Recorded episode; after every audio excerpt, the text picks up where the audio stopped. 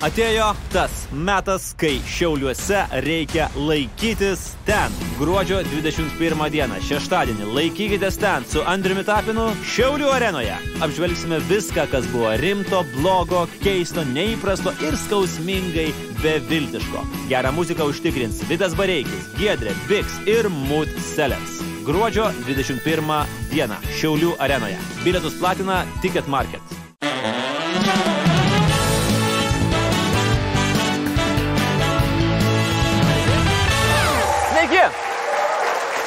Labas vakaras, labas vakaras, kėdainiai, labas vakaras, e, Laisvės televizijos žiūrovai. Dar vienas sekmadienis ir laikykitės ten įžengia į paskutiniųjų gruodžio dienų karšlygį. Ir aš dar kartą primenu, jog 21 dieną, 19 val. visi Laisvės televizijos draugai yra laukiami smagiausioje metų apžvalgoje ir mūsų naujametinėme šou Šiaulių arenoje. Bilietai Ticket Market, nuorodą rasite laidos aprašyme, o kas neteis, tas Narkevičius. Pažiūrėkime, kas šią savaitę įvyko valstybėje, kurios kūno temperatūra jau keletą mėnesių nekrenta žemiau 3,8,5, bet jį kategoriškai atsisako įti pas daktarą, aiškindama, kad išsigulėsiu ir praeis. Guli visa šlapia, tai karšta, tai šalta, dantimis kalena mūsų valstybė, bet nieko sako praeis. O dar Netflix pareiškė, kad Vilniuje filmuos naują serialo Stranger Things sezoną. Tai aš galvoju, pigiai prasisuks. Pastatei kameras, nukreipiai į Seimą ir viskas. Nieko daugiau. ne. Ir turi keistesnius dalykus. Arba į kitas mūsų ins- instancijas. Pavyzdžiui, šią savaitę generalinis Lietuvos prokuroras padavė į teismą Lietuvą. Dėl senų neapmokėtų dalykų dar tada, kai jis dirbo Ukmergėje, bet vis tiek įsiklausykit. Generalinis prokuroras Lietuvą į teismą. Nu, keistesni dalykai tikrai. O šiaip biudžetas, biudžeto, biudžetą, džetą, džetą, džetą visą savaitę aidėjo koridoriuose. Tačiau Aidas pasiekdavo kultūros komiteto pirmininko kabinetą ir kažkaip išsikreipdavo, virsdamas marazmu. Ramūnas šią savaitę kalbėjo. Oi, kaip jis kalbėjo. Jis kalbėjo kaip Jimas Keris filme Melagi Melagi. Praktiškai antra filmo dalis gavus. Na, pirmas pasisakymas. Ramūnas sako, Narkevičiaus skandalą sukurstė Rokas Masiulis. Esu įsitikinęs, sakė Karbauskis. Po to patikslino, kad neturi įrodymų, nesiuošia įrodinėti, čia nėra kaltinimų ir čia yra tik jo nuomonė. Man pavyzdžiui atrodo, kad Karbauskis kankina Lietuvą, nes mums jau visiems skauda širdį žiūrint į šitą murgdymąsi mėšlį. Pagal Baudžiaką, tas, kas vykdydamas valstybės politiką sukėlė asmenių didelės kančias iki penkių metų. Visai Lietuvai skauda, Ramūnai. Bet aš nesiuošiu šito įrodinėti, čia nekaltinimas, čia yra tik mano nuomonė. Antras pasisakymas. Kolegų iš LRT paklaustas, kodėl jo, kaip kultūros komiteto pirmininko, nesimato nei viename kultūros renginyje, Karbauskis sakė, kad labai daug dirba. Niekas tiek nedirba dėl Lietuvos, kiek jis. Gal tik skvernelis, bet jis net laikė ir susirgo vėžių iš nervų, o jo Karbauskio organizmas kitoks ir jis nesusirgo. Čia yra tiksli jo citata. Nu, todėl ir sako, saugosi Ramūnas, neina į lietuviškos kultūros renginius, nes nu jie vėžį varo. O jeigu rimtai, nuėmus juodą humorą, būkim sažiningi, vienintelis, kuris nuolat traukia premjero lygos argumentą, yra būtent jo geriausias draugas Ramūnas. Ir apsaugok mane nuo tokių draugų Dieve, nuo priešų aš jau kaip nors pats apsisaugosiu. Dar pasakė, kad per gimtadienį buvo namie. Ir vieną kartą per metus galima praleisti posėdį be priežasties. Ir dar pridūrė, kad jo gimtadienio dovana bus priimtas biudžetas. Aš tik primenu, kad kai Kirkilas kūrė Sotsbebrų partiją, tai jie sakė, kad čia yra dovana Lietuvai. Nu tai jie galėjo tą partiją Karbauskį padovanoti ir būtume mes kažkaip apsėję be savo dalyvavimo. Ketvirtas pasisakymas. Pasiruošus naujausiams reitingams, kur valstiečiai jau turi vos 7 procentus palaikymo, Karbauskis sakė, kad jis turi savo reitingus ir jie yra kitokie. Bet nepaaiškino, nei kas užsakinėjo, nei kas atliko apklausas. Liaudiškai tariant, ištraukė skaičius iš subinės. Žinot, čia tas pats, kai paliktų tave mergina, bet tu toliau eitum ir aiškintum visiems draugams, kad pagal tavo skaičius viskas su jumis tvarkoj ir nėra buvę geriau. Bet, žinot, Seime kaip ir gamtoje yra balansas. Vieni kalba ir daug, kiti tyli arba šiaip snūduriuoja. Tačiau bet kada gali išbėgti į aikštelę. Taip nutiko konservatorių lyderiui Gabrieliui Landsbergiui, kurį šią savaitę užfiksavo kolegų iš Info TV kameros. Prie rinkimų kartelės mažinimo klausimo Seimas greičiausiai grįž kitą savaitę. Nerius Blius, Kestutis Vaišvila, Vilnius. Matot? Bet judesiukas atidirbtas. Nes, na, nu, aišku, būna, žinai, sėdi, žaidi Fortnite, tada į kambarį užina austėją ir reikia apsimesti, kad darai namų darbus. Bet antra vertus, ponios ir ponai, savo ekranuose ką tik matėte trumpametražį filmą Konservatorių darbas Seime nuo 16 iki 20 metų. Tris metus žiovojam, ties ketvirtais nutaisom rimtus veidus, nes rinkimai artėja ir kažkas mus gali stebėti. Gabrielius taip pat pareiškė nesijaučias vertas vaiko pinigų. Tai aišku, kad nevertas. Turi būti anūko pinigai.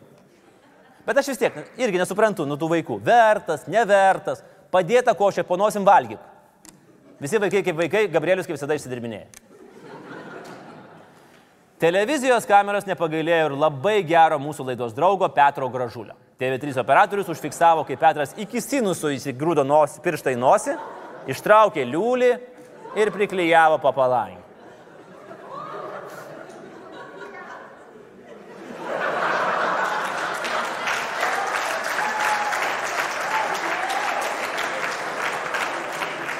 Įva, sėdžiu ir nieko, nieko nebuvo. Sėdžiu kojam, mataškuoju, viskas gerai. Paradoksas, tai ką matėte, buvo mažiausiai purvina gražulio veikla Seime. Stebuklų rubrika mūsų laidoje - stebuklai, kai konkursai laimisi patys. Fotografas ir ištikimas Sauliaus Kvernelio ginklanešys prezidentinės kampanijos metu Marijos Jovaiša netikėtai laimėjo tautinio kostiumo populiarinimui skirtą konkursą už 43 tūkstančius eurų arba, kaip dabar madinga skaičiuoti, 0,14 keliuko. Dar netikėčiau, konkurso sąlygos skambėjo taip. Laimėtojas turi būti visuomeniai žinomas ir pripažintas fotografas, publikavęs fototiražinių leidinių, surengęs ne mažiau nei tris autorinės parodas, publikavęs bent vieną šimtą tūkstančių vartotojų pasiekusią žinutę ir turėjo turėti ne mažiau nei dešimt tūkstančių sekėjų. Kitaip tariant, laimėtojas turi būti Marius Joviš. Aš manau, kad tiesiog, nu, ar reikia taip sudėtingai tas sąlygas? Buvo galima paprasčiau. Laimėtojo vardas turi būti iš, šešių raidžių ir prasidėti iš bet kurios raidės, svarbu, kad būtų tarp L ir N. Pavardė turi sutapti su kokiu nors praeitie žinomu krepšininku, net jeigu jis konservatorius. Dar jis turi būti įtakingo Seimo nario valstiečio sunus, kuris per skverdelio rinkimų kampaniją savo įmonėje įdarbino premjero komandos žmonės, bet tai jau, žinot, antrinis rezultatas. Kitaip tariant, laimėtojas turi būti Marius Joviša. Bet pakalbėkim apie dar vieną konkurso aspektą. Konkursas skirtas populiarinti tautinį kostiumą. Ok, Dabar visai neseniai išaiškėjo, kad ministro Verygos referente Instagrame dalyjosi erotinėmis savo nuotraukomis. Pamatęs šitas nuotraukas, ministras komentavo, kad žmogaus kūnas visada gražu ir kad jis nespecialistas vertinti, bet ministras žinojo, kaip jis pats elgtųsi tokiu atveju. Jeigu tai būtų man klausimas, ar aš taip daryčiau, tai aš taip nedaryčiau. Ministras nuogas nepozuotų ir nuotraukų Instagramą nedėtų. Fair enough. Bet matant nukritusius vyriausybės reitingus, nu gal bent kažkas galėtų juos pakelti. Gal tikrai ne pro šalį būtų, žinot, toks tradicinis, erotinis, kalėdinis ministrų kalendorius. Referentė gali parekomenduoti fotografą tikrai. Bet dabar žiūrėkit, kovodama su nedorove, ministerija vis dėlto sureagavo. Jis nuėmė pozuotoją iš pareigų, sukeitė ją vietomis ir priskyrė viceministrui Šešelgiui. Viceministras, nu tikrai sako, kalėdos atėjo anksčiau, bet aišku, jis rokiruotės nekomentavo, ministerijos šaltinių teigimu jis intensyviai aiškinasi, kas yra tas Instagramas. Ir va čia yra momentas, kai dabar truputėlį aš turiu paaiškinti vieną dalyką. Nes daug kas nesupranta, kas yra efektyvus viešojo sektoriaus tarp institucinis bendradarbiavimas. Nu tai va, pamena tą konkursėlį tautiniams kostiumams, prominti už kem tūkstančių. Būkim bėdini, bet neįsikin, nu nelabai kam įdomus tie kostiumėliai. O čia dabar žiūrėkit, sujungiam dvi ministerijas, aprengiam referentę tautinių kostiumų, Marius padaro fotosesiją N18 ir važiuojam. Važiuojam. Ir jeigu, ir jeigu kas dešimtas vyras nupirks savo žmonai tokį kostiumėlį, mes atmušim valstybinius kemštukų per pirmą mėnesį. Net ir šūkį aš sugalvoju fotosesijai. Kas yra tarp manęs ir tautinio kostiumo? Nieko. Jaučiu, a, būsiu pirmas tokį šūkį sugalvojęs ir tai nieko bendro neturi su Kalvinu Kleinu. Reikia patentuoti. Kaip beje, Skvernelis patentavo prekės ženklą Tevinės labui, skirtą politiniams susirinkimams renkti. Internetams iš karto kilo klausimas.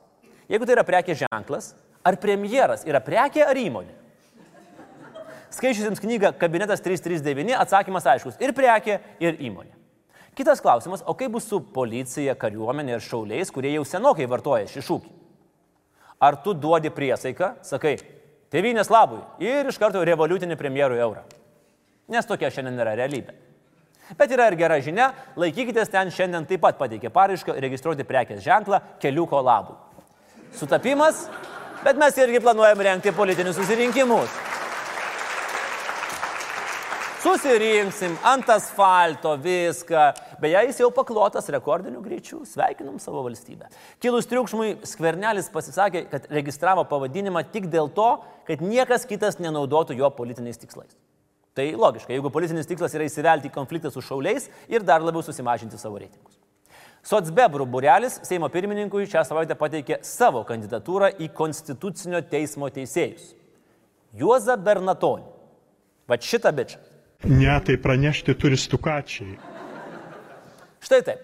Kurio žmogus, kurio teisingumo jausmas sutampa su kalėjimo panetkiam, žmogus, kuris iš esmės yra lietuviško politinio bebro talonas, žmogus, kuris turi Čekoslovakiško universiteto filosofijos mokslo laipsnį, o teisės magistrą baigė tik neakivaizdiniu būdu, mano, kad jis yra tinkamas užimti Konstitucinio teismo teisėjo vietą. Beje, taip mano ir Karbauskis, asmeniškai palaikantis Bernatonio kandidatūrą. Na dabar pasisakysiu gan griežtai, laikykite tai patyčiom, jeigu norit. Jozai Bernatoni, šalin rankas nuo konstitucijos ir nuo demokratijos. Eik šalin ciniškas demagogija. Bet čia nekaltinimas, čia tik mano nuomonė. Ir aš galvoju, jeigu į Konstitucinio teismo teisėjus būtų trys kandidatai, Juozas Bernatonis, senas aptrupėjęs asbestinis šiferio lakštas ir autostradoje partrenktas usūrinis šuo, aš rinkčiausi usūrinių šunų integravimą į teisinę visuomenę. Žalos valstybei vis tiek būtų mažiau nei pasirinkus Bernatonį. Ta suprato ir Seimo pirmininkas Pranskėtis, pareiškęs, kad Bernatonio kandidatūras neteiks ir iš karto sulaukė Karbauskio atsako, kad jis dirba konservatoriams. Šitas niekada nesens. Prezidentas pareiškė, kad fiziškai nėra laiko susitikti su premjeru šią savaitę, bet panašu, kad vyrukai planuoja susibėgti pirmadienį ir aptarti reikalus dar iki biudžeto prieimimo, kas yra labai sveikintina. Nors premjeras problemų nemato nei dėl keliuko, kadangi telefonu kažką tai prezidentui jau paaiškino. Taip jisai pasakė žurnalistams. Aš prezidentui kažką tai paaiškinau. Nei Jareko klausimų. Nu, o ministras Jarekas kalba toliau. Jis pareiškia, kad skvernelio keliuko asfaltavimas vertas pasididžiavimo dėl greičio, kurio buvo atlikti tokie dideli darbai. Ponas Jarekai, internete gerokai pigiau nei už 300 tūkstančių galima rasti būdų, kaip pasididinti savo pasididžiavimą.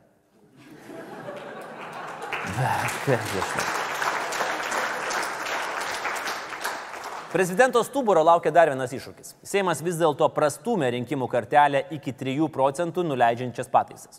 Opozicija reikalauja, kad prezidentas vetuotų, Karbauskis iš karto sako, veto jam yra gerunda, bus atmestas ir bus dar viena pergalė. Na, o pasaulinė antidopingo agentūra VADA paskelbė sankcijas Rusijai. Už laboratorijos dopingo duomenų klastojimą Rusija ketveriems metams yra šalinama iš tarptautinių sporto varžybų, įskaitant olimpinės žaidynės. Rusijos visuomenės kilo į dvi dalis. Vieni puikiai supranta, kad šalis juodai prisidirbo, kiti mato akivaizdų pindosų sąmokslą. Ir viskas natūralu, kaip šitie žmonės gali tikėti vadą sprendimu, kai jie jau turi savo vadą amžiams. Ir savaitės naujienas aš baigiu nuostabiu mūsų kailių karalienės Nijolės Veličkienės pareiškimu, kad kailinių neturinčios moteris stovi ant žemesnio visuomenės laiptelio ir jų dukroms reikia nuo mažens skiepyti, jog tik kailiniai daro moterį sėkmingą ir efektingą. Puikiai. Dar anksčiau ponė Nijolė paaiškino, kodėl karakulio kailiniai yra gerai toms, kurios nesiekia aukštumų ir davė patarimų vyrams. Jei norit patraukti moterį iš karjeros ir uždaryti namuose, pirkit jai karakulį.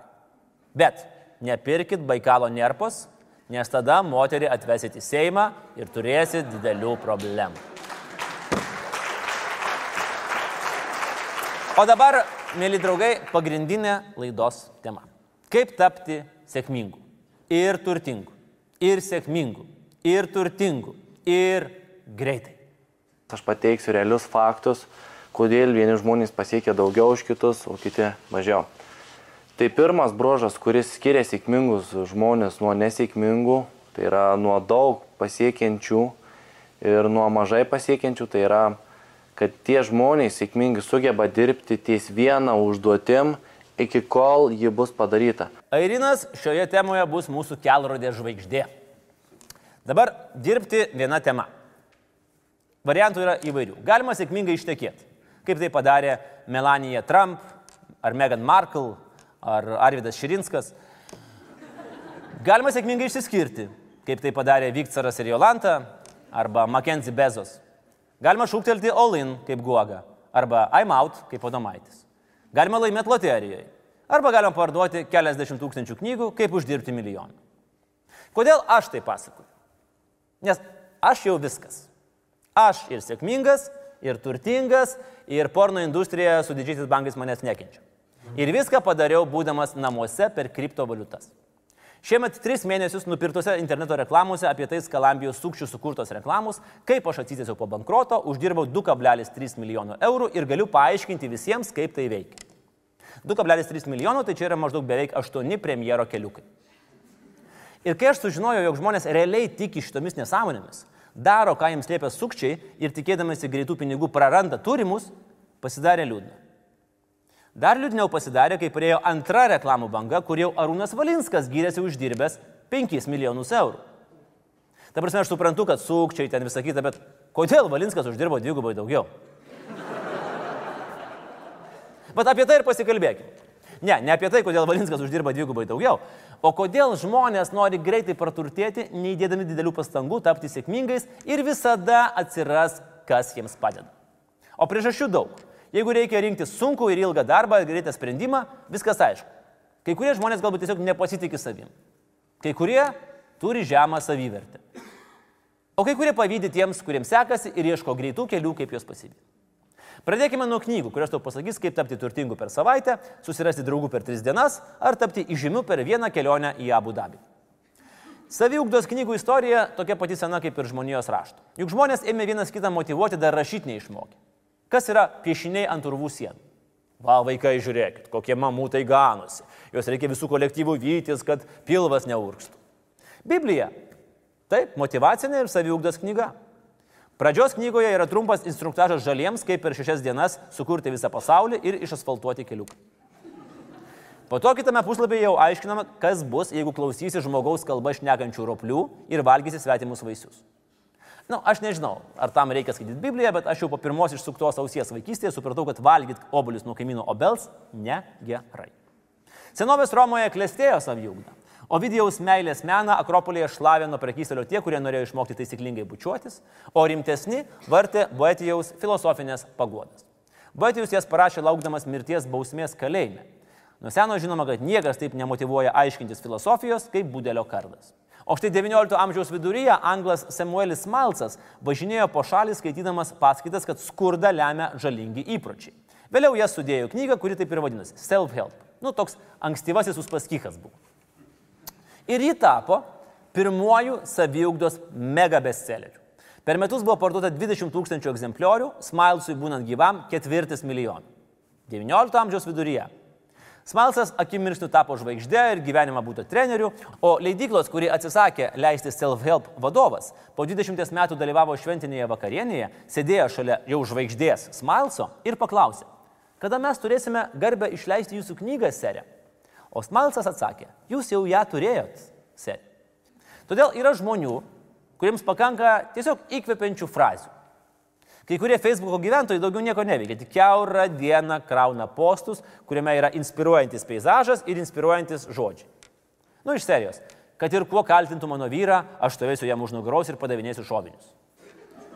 Čia tais atvejais, kai žmona nėra savim labai patenkinta. Arba yra Agnė Zokienė.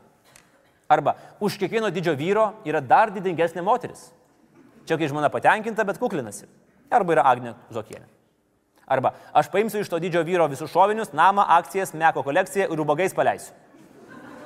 Čia tikrai Agnezokienė. Kai kurių frazių autorių niekas ir nežino, bet dažniausiai, jeigu autorius nežinomas, frazė priskiriama Čerčiliui. Jeigu tikėtumėm visomis jo citatomis, žmog, tai yra žmogus, kuris pirmą įkvepiančią frazę pasakydavo vos pabudęs, o paskutinę jau mygdamas ir visada būdavo kruopštus sekretorius, kuris viską užrašinėdavo. O jeigu žodžiai frazės keistai sudėlioti yra, tai čia aišku bus joda iš žvaigždžių karų. Įsivaizduojat, kas būtų, jeigu Kamblevičius sugrįžmintume su joda. Reikalavimai moraliniai yra problema, prezidentūros atstovai neapibriešti. Aišku, yra citatų, kurių autoriai žinomi. Sakykime, Bismarkas yra pasakęs, kad žmonės, kurie mėgsta įstatymus ir dešrą, neturėtų žinoti, kaip daromi ir tie, ir tai. Na, čia toks labiau demotivuojantis. Nes jeigu dėl Seimo mes jau seniai nebeturime iliuzijų, tai dėl Sasiskų nu, dar, dar norėtume vilties turėti. Eleonora Roosevelt yra pasakius, maži žmogeliukai aptarinėja kitus žmonės, vidutiniai įvykius, o dideli reiškinius. Mes papildom, o tie, kurie nėra išrangus ir nesikuklina aptarinėti viską, yra laisvės tave. Daug gerų, nu, ta prasme, blogų inspiracinių frazių yra paleidę Leninas ir Stalinas. Pirmasis pareiškė, kad ne kiekviena vyrėja gali valdyti valstybę. Kas žiauriai demotivavo visas vyrėjas, jos pasitarė ir nubraukė ne citatos pradžioje. Stalinas pažymėjo, kad kiekviena klaida turi savo vardą ir pavardę. Pilną klaidų sąrašą galite rasti Seimo internetinėme puslapyje. Bet realiai vien iš frazių pinigų nepasidarys. O kas yra visos šitos saviugdos knygos, filmai, paskaitos, coacheriai, išmaučeriai, motivuotojai, sėkmės pardavėjai? Tai yra puikiai išvystyta globali industrija, kuri šiais neramiais laikais auga greičiau negu Lietuvos vidaus produktas. Vien Amerikoje pagaminama tiek motivacinių pinigų, kiek gražulis nutepa liulius po palangę. Žiauriai daug. Billions and billions and billions and billions and billions and billions and billions and billions and billions. Daugiausiai gero gyvenimo vilties parduodama knygų pavydalu. Tai nupieškim žmogaus perskaičiusio pagrindinės motivacinės knygas paveikslą. Visų pirma, žinoma, motivuoja pinigai. Let's talk about how to make some money. Motivuojančių knygų skaitytojas nori būti turtingas. Nu, bent jau turtingesnis nei tavo tėtis, kuris nemoka gyventi, kaip sakė geriausiai pasaulyje parduodamos motivacinės knygos autorius Robertas Kijosaki. Praturtėjimo būdų yra daug, svarbiausia laikytis principu, kad ne tu turi dirbti, o pinigai turi dirbti tau. Šitas posakis buvo daug vertingesnis, kol nepanaikino vergyjos. Antra, kai jūsų pinigais gerai, norisi, kad išsipildytų troškimai. Motivatorė Ronda Byrne siūlo pozityves mintis. Jeigu ko nors labai norėsi ir apie tai galvosi, sako jį, taip ir bus. Nes visata galų gale neapsikęs šitų kvantinių minčių vibracijų ir kai jau duos tau visko, tai su kaupu. Nu, aš nežinau. Nu, žiūrėkit, Ramūnas su Agne nuo birželio ir nori, ir galvoja, ir sapnuoja, ir prašo, ir grasina, kad pranskėdis pasitrauktų, o tas kaip sėdi savo kėdėje, taip sėdi. Tai va tų pozityvių minčių man metodas abejotinas. Trečias, noris būti efektyviu kaip Britva. Stevenas Kauvis sako, jokių nesąmonių trikdžių, pjauni tiesiai link tikslo, taip, kad tik purslai šalis tiksta. Nu, man skamba tarsi instrukcija, kaip jaunam BMW vairuotojui greičiau pasiekti stotelę. Ketvirta - įtaka. Mes esame socia socialūs gyvūnai. Robinsono Kruzo įdylė ne mums, mums reikia draugų. Arba tų, kuriems galėtume aiškinti, kaip ką daryti ir kad jie nepyktų ir galvotų, kad esi fainas bičias. Tai reikia žinot, kaip kitus valdyti, sako Deilas Karnegis. Jeigu nemoki, tai išmok. Labai naudingas patarimas, jeigu planuoji kurti savo sektą. Šitie punktai atitinka geriausiai parduodamas motivacinės knygas pasaulyje eilės tvarka. Jų yra išleista šimtai milijonų kopijų, išversta mažiausiai į 30 pasaulio kalbų ir tai tik Lietkalnio viršūnė. Nes yra šimtai kitų, kurie tos pačius, tuos pačius savipagalbos klausimus varto, galbūt ne taip komerciškai sėkmingai, bet labai sėkmingai atrajodami. Na, o mes, mes, lietuviai, ar mes turim trenerių, kurie žarsto patarimus į kairę, į dešinę, negaili mums popieriaus, YouTube video juostos ir žmonių laiko paskaitose? Žinoma, juos galima skirstyti į dvi rūšis. Vieni, kurie neturi jokių įrodymų, kad yra specialistai, ir kiti, kurie turi daugybės keistų mokymo įstaigų sertifikatų. Pavyzdžiui, moteris turėtų lydytis nuo žymiosios šokoladas sielai, kuriejos Rūtos Banionytės, kuri savo knygoje žada atskleisti moteriškumo pasitikėjimo savimi ir sėkmės paslaptis. Autorė garantuoja, kad perskaičius knygą turėsi visus įrankius tapti moterim, kuriai bus neįmanoma atsispirti. Jie, ja, aišku, pritarė Nijolė Veliškienė, kad dar kailinukus užsimesk ir bus iš viso super viskas. Man atrodo, šią knygą reiktų skaityti pakaitom su Širinskinės disertacija, kad išlaikytum balansą. Lyg jau ir pasirašai šokti, milijonierių į lovą, bet tada susimastai apie Dievo bausmę. Aš iš tikrųjų taip norėjau jaustis. Man atrodė, kad kaip aš pamatysiu savo pačios rašytą knygą, tai bus varuta, pagaliau tu padarai kažką tokio, ko tu gali didžiuotis. Ar ne? Aš tik norėčiau pabrėžti, kad Rūta oficialiai savo kanale patalpino video, kuriame sako, kad nepyksta, kai mes apie ją kalbam Laisvės TV. Aš tik pastebėsiu, kad oficialus jos kanalo aprašymas yra kaip tapti moterim, kuriai neįmanoma atsispirit.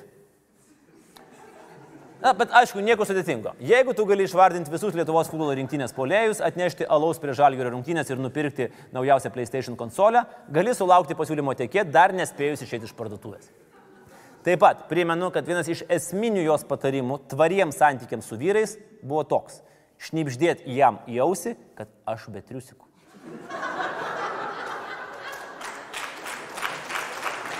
Šitas yra toks pavojingesnis. Labai priklauso nuo aplinkos. Nes, na, nu, aš galvoju taip, jeigu kino teatrė, ok. Jeigu po susitikimo su direktorium dėl algos pakelimo, nelabai. Kita vertus, jeigu, pavyzdžiui, man moteris tai nuolat šnipždėtų jausi, man kiltų įtarimų. Arba ji nemoka naudoti skalbimo mašiną, arba ji visiškai neturi pinigų. Beje, mes esame geriausias įrodymas, kad Rūta Banionytė gali parodyti kelią į sėkmę ne tik moteriams. Štai prieš pusantrų metų sukūręs jos video apžvalgą šmaikštusis Polas Demiko užsitikrino amžiną šlovę ir laidą populiaresnėme Laisvės TV X kanale. Ta krūtinė, žinot, lipanti iš lėmenuko arba ten, aš betriusikų, tie visi dalykai iš tikrųjų yra šiek tiek pasenę. Atsiprašau, ką? Šiek tiek pasenę? Kodėl aš niekada nesusidūriau su tokiais dalykais? Jokia mergina man niekada nėra sakiusi. Aš betriusikų. Labas, Laura. Uh, žiūrėk, turiu tokį klausimėlį. Jis, aišku, gali pasirodyti šiek tiek keistas, turint omeny, kad tu dabar darbė, bet... Uh, um, ar, ar tu su triusikais? Alio? Pauliaus sveikinam su tokia mega, mega, mega greita karjera. Padėkok, aišku, ir Rūtai. Na, o iš mūsų keliauja tamstai klausimas, kada bus kita STT serija. Na, o šokoladas sielai atrodo šiaip tokia miela durniukė su iniciatyva, bet kai kurios tos iniciatyvos gali būti ir brangiai kainuojančios ir tokios keistos. Štai pavyzdžiui, ji išsamei išdėsto, Kodėl moteris, norinčios išspręsti visas intimes problemas ir atrasti jaunystės ir grožio paslapti, turėtų pirkti iš rūtos nefrito kiaušinį ir nešioti jį įsikišusios į intimę vietą. Rūta tikina, kad kiaušinis ten padės susitvarkyti ir su nevaldomu užkandžiavimu, ir su senom nuoskaudom.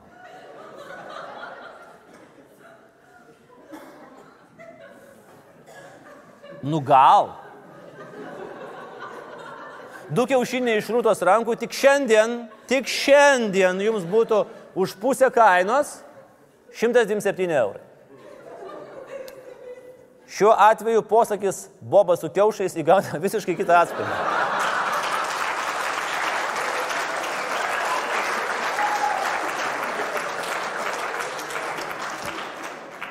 Aš ne moteris, bet labai susidomėjau. Nu, dėl, labiau dėl to nevaldomo užkandžiavimo, nes tai nuėjau internetą pasitikrinti. Ten gynekologai ir mokslininkai sako šiek tiek ką kitą negu šokoladinė rūta. Ar nefrito kiaušiniai saugus? Na, sako mokslininkai, jie nėra žalingi, bet geriau nekiškit, kur nereikia, nes svetimkūnių kišimas gali sukelti infekciją. Nu, čia kaip rozetė. Jis saugi, bet pirštų nekiškit. Ar yra koks nors moksliškai pagrįstas įrodymas, kad jie duoda naudos? Ne. Ar tikrai tai yra senovės Kinijos paslaptis? Ne. Ar kiaušinių pardavėjai jau yra užliekę teisiškai? Taip, vieni jau gavo 150 tūkstančių dolerių baudą už melavimą. Ką daryti? Nesikiš nefrito kiaušinių. Knygą su patarimais išleido ir mūsų laidos draugas Viktoras, mano lygos ir priešai mano geriausi mokytojai. Kaip parašyta aprašyme, knyga skirta visiems, kurie nori būti laimingais, turtingais, sveikais, puikios fizinės formos ir lydimais sėkmės karjeroje, šeimoje, visuomenėje ir taip toliau. Vėlgi, realiai trūksta pabaigos pirkit kiaušinius. Abs arba gurkus. Absurdiškiau būtų, jeigu Viktoras parašytų, aišku, atnaujintą lietuvių kalbos žodyną, bet aš nežinau, aš bandau spėti, ko mane gali išmokyti mano lygos, nu, pavyzdžiui, bronchitas arba snargliai.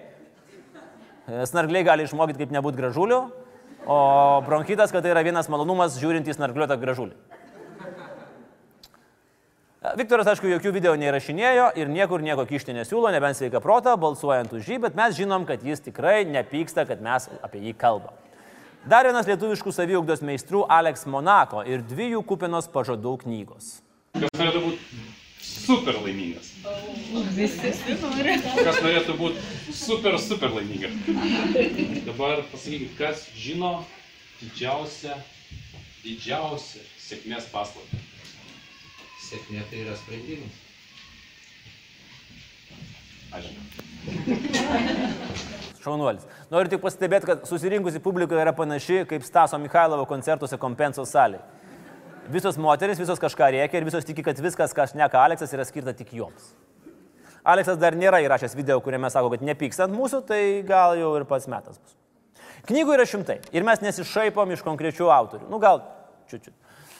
Mes norim pabrėžti, kad visos jos realiai yra vienodos. Vienodi pažadai, vienodos klišės skirtingais viršeliais.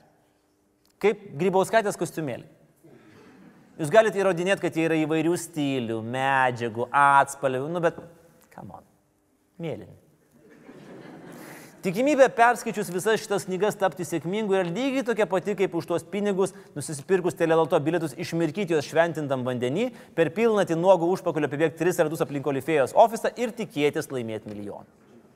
Kaip sakė Čerčilis, jeigu gali nerašyti, nerašyk. Nu, gal ne Čerčilis.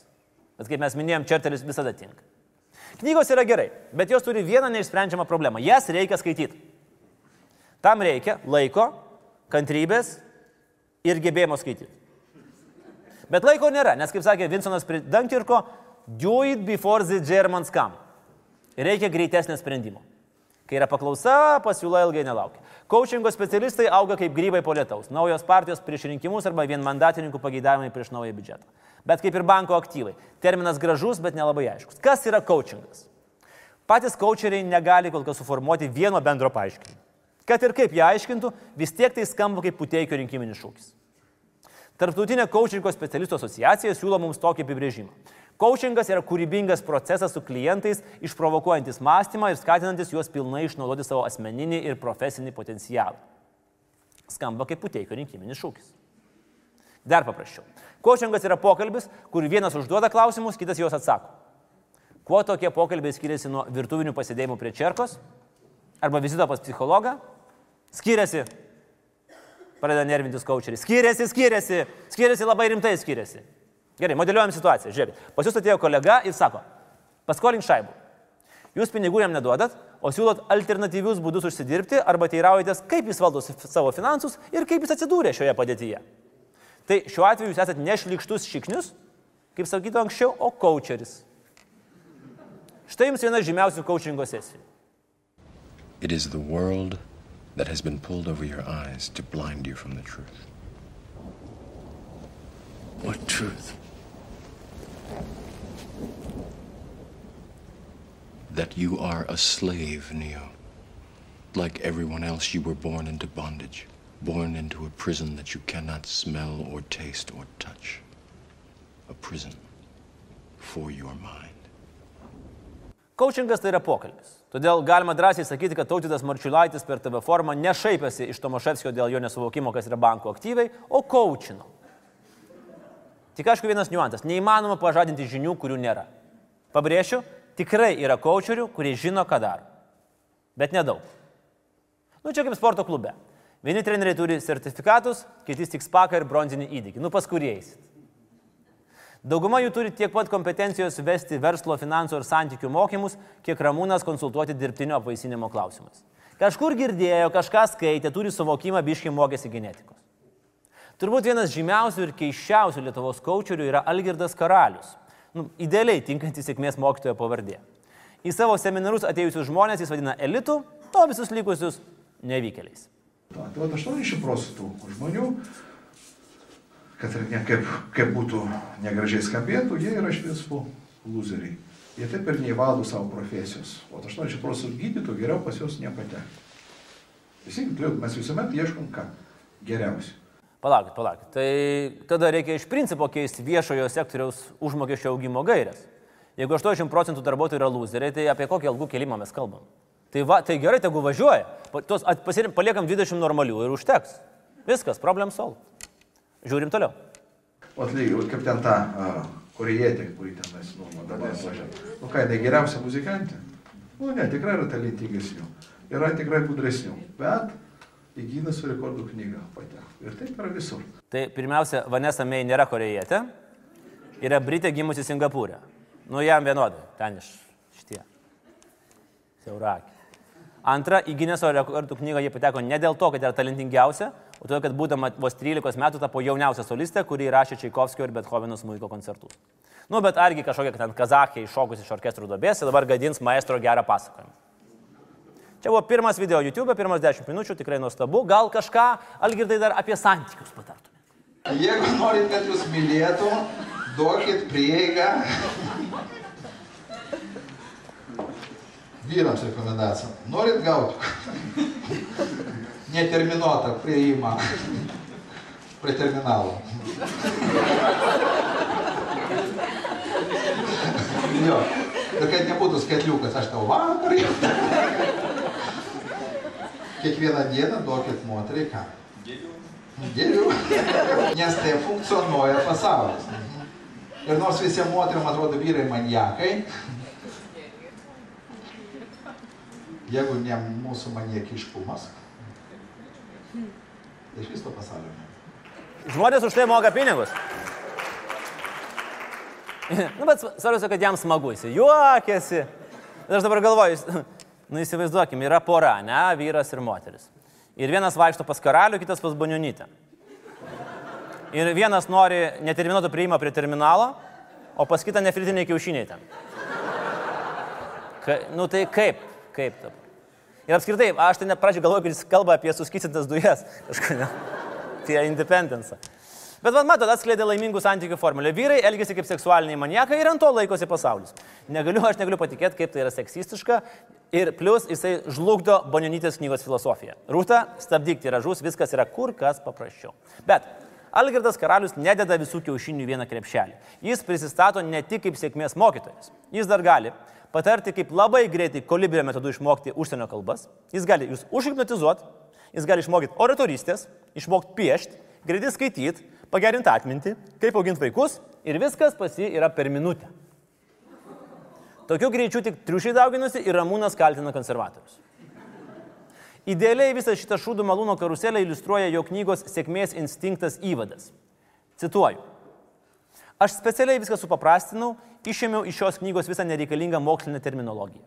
Aš nenagrinėsiu, kas pirmas, kas antras pasisakė vienu ar kitu klausimu. Aš nenurodysiu šaltinių ir tai darysiu ne todėl, kad negaliu to padaryti, bet aš tai pasielgsiu, nes ši knyga skirta žmonėms, kurie siekia vieno paprasto tikslo. Jie nori būti laimingesni. Va. Algirdas būtų puikus politikas. Jis supranta, kad kuo kvailesnė visuomenė, tuo paprasčiau ją manipuliuoti ir jį neša tau pinigėlius už nerealistinius pažadus ir neužduoda nereikalingų klausimų, jeigu tu tik tai pažadėsi jiems neribotą prieimą prie terminalo. Aišku, šiek tiek liūdnesnis kočeris yra pats pačiausias alfa patinas Sairinas, ar ne? Mokymus, kaip suvilioti merginas, jis siūlo DVD formatu vidutiniškai už 300 eurų. 19 metai, kriptovaliutas, DVD už 300 eurų. Jūs juokaujat, bet. Aš asmeniškai labai, labai abejoju, ar dar galima kažkaip išgelbėti žmogų, kuris perka viliojimo seminarus DVD formatu. Aišku, Airino aukso amžius buvo prieš kokius penkerius metus, kai Vilniaus gatvėse ir klubuose merginai buvo neįmanoma ramiai pasitemti pietkelnių, kad prie jos neprišoktų trijų lakuotų plaukų savininkai su lėkštais klausimais ir bandymais pašopdinti, nenumindant kojų. E, laisvai galiu ir prieiti, ir užkaldinti, pabendrauti. E, vat, jeigu nu, prieinu su tikslu ten numerį gauti, tai nu, būnu gaunu numerį, būnu negaunu. Reiškia, nu, jinai prarado puikų šansą. Kažkodėl savo mokymuose Airinas pamiršo paminėti, kad per prievartą žmonių graibimas yra nedominavimas, o priekabiavimas ir tai turi turėti rimtų pasiekmių. Ir turėjo. Penkis mėnesius kalėjimą po nulį. Daugelis šitoje vietoje, aišku, jau palūštų. Nu viskas, nu ką, nu viskas, karjera baigta. Bet niekas tavęs nepastato ant kojų taip kaip meilė.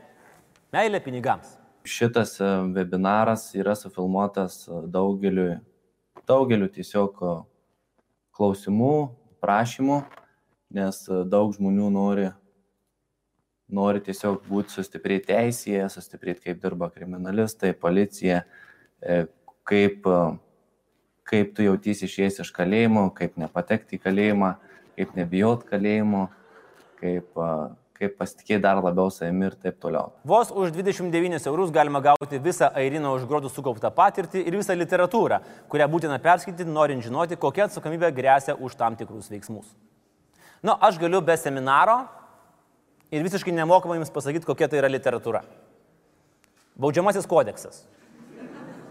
Ir kainuoja vos porą eurų. Beje, Airinas vėl laisvai ir vėl ieško modelių. Tai atsargiai. Na, o ką daryti tiems, kurie neturi tiek užsispyrimo ir naglumo? Neliūdėkit.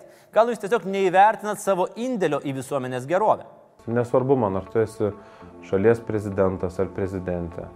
Ar tu esi žmogus, kuris šiandien guli prie iki ir, ir čia yra tavo šiandien darbas. Ne? Gilėti prie iki, galbūt apsišlapinus, ir, ir, bet tai irgi tarnauja visuomenė. Ne, ir klausimas kartais, ne kas daugiau atneša naudos, nes proto žmogų per dieną gali praeiti šimtai žmonių. Ir matymas, kad jis nesirūpina galbūt savim ar ne, ar savo išvaizdą, jo šiek tiek sujudina. Šiek tiek įkvėpimo duoda gyventi, eiti priekį. Ne? Ir tai yra irgi naudinga tiem žmonėms. A, nesu tikras, ar tikrai žiūrėti į gulinti prie iki apsišlapinusi bičią man yra įkvėpimas. Bet čia buvo dar vienas dažniau sutinkamas mokymų specialistas Romualdas Mačiulis. Kaip pats Romualdas save pristato, jis yra Elksinos ekspertas, verslininkas, konsultantas ir pranešėjas. Po sunkių gyvenimo išbandymų Lietuvoje ir užsienyje jis išsikėlė savo tikslą padėti bent 10 milijardų žmonių per ateinančius tūkstantį metų. Čia net Jėzus sako, vau, seniuk. Stabdyk arklius. Vėlgi mažas faktinis pastebėjimas, šiuo metu Žemėje dar tikrai nėra 10 milijardų žmonių, bet jeigu Romualdas planuoja padėti jiems visiems, kam pasiseks labiau gal po porą kartų, nors žinoma, per ateinančius tūkstantį metų gali viskas pasikeisti, tai aš siūlau tiesiog nedarykim iš ankstinių išvadų, grįžkim po šito klausimo po 300 metų ir kartu pažiūrėkim, na, kokia yra situacija. Bet Romualdas yra gudrus, jis veda mokymus ir konsultuoja tik sėkmingus žmonės. Nu, čia yra tas pats, kas nusipirkti naują iPhone ir visiems aiškinti, kad tu asmeniškai prisidėjai prie Apple akcijų kainos kilimo New Yorko Nasdaq biržoje. Jis giriasi, kad per valandą uždirba 5, o kartais ir 7 tūkstančius eurų. Aš tada nežinau, kam dar Romualdui reikia coaching žmonės apie finansinį priteklių, kuris ištraukia iš galvos kursų kainą 8000 eurų ir po to numuša iki 575. Vadai. Tik šiandien. O jeigu perki du kiaušinius, tai už 200 kursai. Čia kaip tie Romai, kur prie turgaus peilius stumdo. Iš pradžių 200 eurų, po to 20, o po to, nu, duok du. Ir čia jau rimtas patarimas. Kai tu reklamuoji save, labai svarbu nueiti į kokį nors renginį, kur yra daug žmonių ir ten filmuot, sudarant įspūdį, kad visi tie žmonės ploja tau. Ketvirtadienį 19.00 jungkis prie didžiausio Facebook Live Lietuvoje. Ketvirtadienį 19.00. Tu turi ten būti ir prisijungti prie tūkstančių žmonių kartu su manim. Taip, taip, taip, taip, taip. Iki tikrai sėkmingo gyvenimo įvaizdžio liko nusifotkinti prie svetimo Lamborginio su valandai pasamdytą eskorto panelę ir užrašyti mano įprastas rytas. No filter, happy life. Dar vienas gerulis treneris yra Martinas Driukas, kuris mus gali išmokyti įvaldyti seksualinį pajėgumą. Ir toks vyks seminaras Vilniuje. Ir jisai pats rašo, manęs dažnai klausia, kaip tu sugebi, kas per paslaptis, tiek daug nuveikti, rašyti knygas, keliauti po pasaulį pusę metų, vesti mokymus beveik kiekvieną savaitgalį, seminarus ir dar turi tokį raumeningą kūną, būdamas vegan. Šiaip, A, greičiausiai niekas neklausia. B, Martinas pats atsako, kaip iš aukštesniojo A lygmens susiprojektavo metų trukmės savęs pažinimo askezę Vokietijos kalėjime. E, iš tiesų niekas taip neįgalina viršo seksualumo kaip metai kalėjime. Ir tokių Martynų, Romualdų, Rūtų, Algirdų yra dešimtis Lietuvoje. Ir jie visi yra sertifikuoti ir diplomuoti, bet jie niekada nerodo tų diplomų ir galimai išrašinėja juos vieni kitiems. Ir mes tikim. Mes tikim, kad visi šitie coacheriai ir mokytojai nori padėti. Mes norim paslapties, kurios nėra ir stebuklingo sprendimo, kuris apvers mūsų gyvenimą. Einam, kaip Elė su draugais ėjo pas Gudviną. Tik šiuo atveju visiems mums reikėtų smegenų. Kam reikia mokytis, jeigu gali pasirinkti pakaučinimo sesiją, kurioje tau entuziastingai primins, kad ir Geisas, ir Jobsas nebaigė mokslų, bet jie turėjo svajonę. Ir tu turėk. Tu moki mapo pergalius su nupieštais skaičiais, o gauni iš manęs energiją, paslaugas, žinias, čia daug vertingiau. Tai va. Jo. Jo. Kodėl taip atsitinka, kad seminarai ir mokymai, kurie turėtų lavinti kritinį mąstymą, paverčia mus aklai tikinčiais populistinėmis blevizgomis. Mūsų kalbinti psichologai, rimti specialistai sako, kad žmonės perka tas knygas, eina į tos seminarus dėl kelių priežasčių. Giluminės.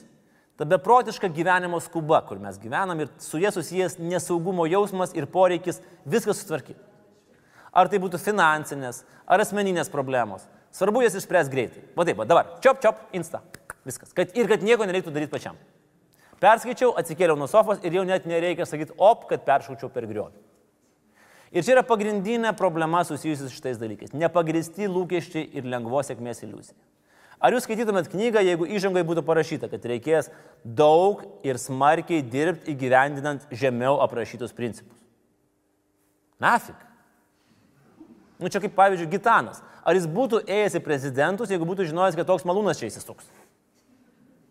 Dažnai iš motivacinės literatūros tikimasi to paties kaip iš kulinarinės. Perskaičiau instrukciją, įmušiau kiaušinį, privariau cukraus, paplakiau šasti orkaitę ir štai puikiausias krembriulė per penkias minutės, nes nėra kada terliotis. Bet iš orkaitės pirmą kartą ištrauksit kažką geltono, bet tikrai ne krembriulė. Ir ne antrą, ir ne trečią, ir ne ketvirtą kartą. Not two, not three, not four, not five, not six, not seven. Reikės daug kantrybės ir laisvai besiganančių vištų kiaušinių per mikserį praleis, kol pavyks. Ir čia yra vienas receptas. Psichologai sako, kad yra ir vertingos savipagalbos literatūros, kurią negėda rekomenduoti klientams. Bet dirbant su motivaciniais principais reikia valios, savirefleksijos ir disciplinos. Ir svarbiausia supratimo, kad ne autoriai yra atsakingi už aprašytų principų įgyvendinimą, o pats skaitytojas. Psichologai pabrėžia, kad tie motivaciniai principai, kad ir patys geriausi, jie nebūtinai tiks dviem skirtingiams žmonėms. Nu čia kaip su vairuotojais. Yra vairuotojas ir yra BMW vairuotojas. Iš principo spaudžia gazą ir vieni ir kiti. Nu bet kada jūs paskutinį kartą girdėjot, kad koks nors, nežinau, dačia nuskynė autobusų stotelį? Pasitaiko, kad nepasisekus su motivaciniam knygom dažnas prisimotivuojam iki klausimų, nu tai kas su manim ne taip, kad nesuveikia. Ir tada kartais ateini pas psichologą mažumėlę pasiaiškinti ir atrandi be galo įdomių dalykų apie save patį. Arba pradedi iš kito galo nuo psichoterapijos. Ir po to jau yra motivacinė literatūra, kurią psichologai ramės sąžinė rekomenduoja savo klientams, kai mato, kad padės. Ir aišku, yra tokių knygų, kurių geriau vengti. Bet viena yra aišku, nėra lengvo būdo praturtėti. Neišmoksit užsienio kalbos per minutę.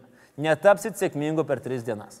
Reikia kantriai siekti savo tikslo, skaityti ne pirmas pasitaikiusias knygas, kalbėtis su diplomuotais specialistais, o ne su šarlatanais, kurie diplomus atsispausdino spalvotų printerių. Ir suprasti, kad jeigu ir pavyks sutrumpinti kelią iki sėkmės, tai bus išimtis iš taisyklės ir už tai galėsite pakelti taurę šampaną.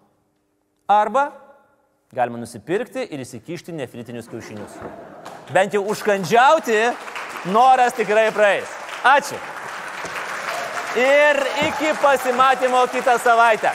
Ten jūsų laukia speciali laida iš Rūklos poligono skirta kariuomeniai ir kalėdinis interviu su arkivyskupu Gintaru Grušu. O tada jau ir naujametinis šou ne už kalnų. Žiūrėkit mus, prenumeruokit YouTube, remkite Patreonę ir pasitikite šventės kartu su Laisvės TV.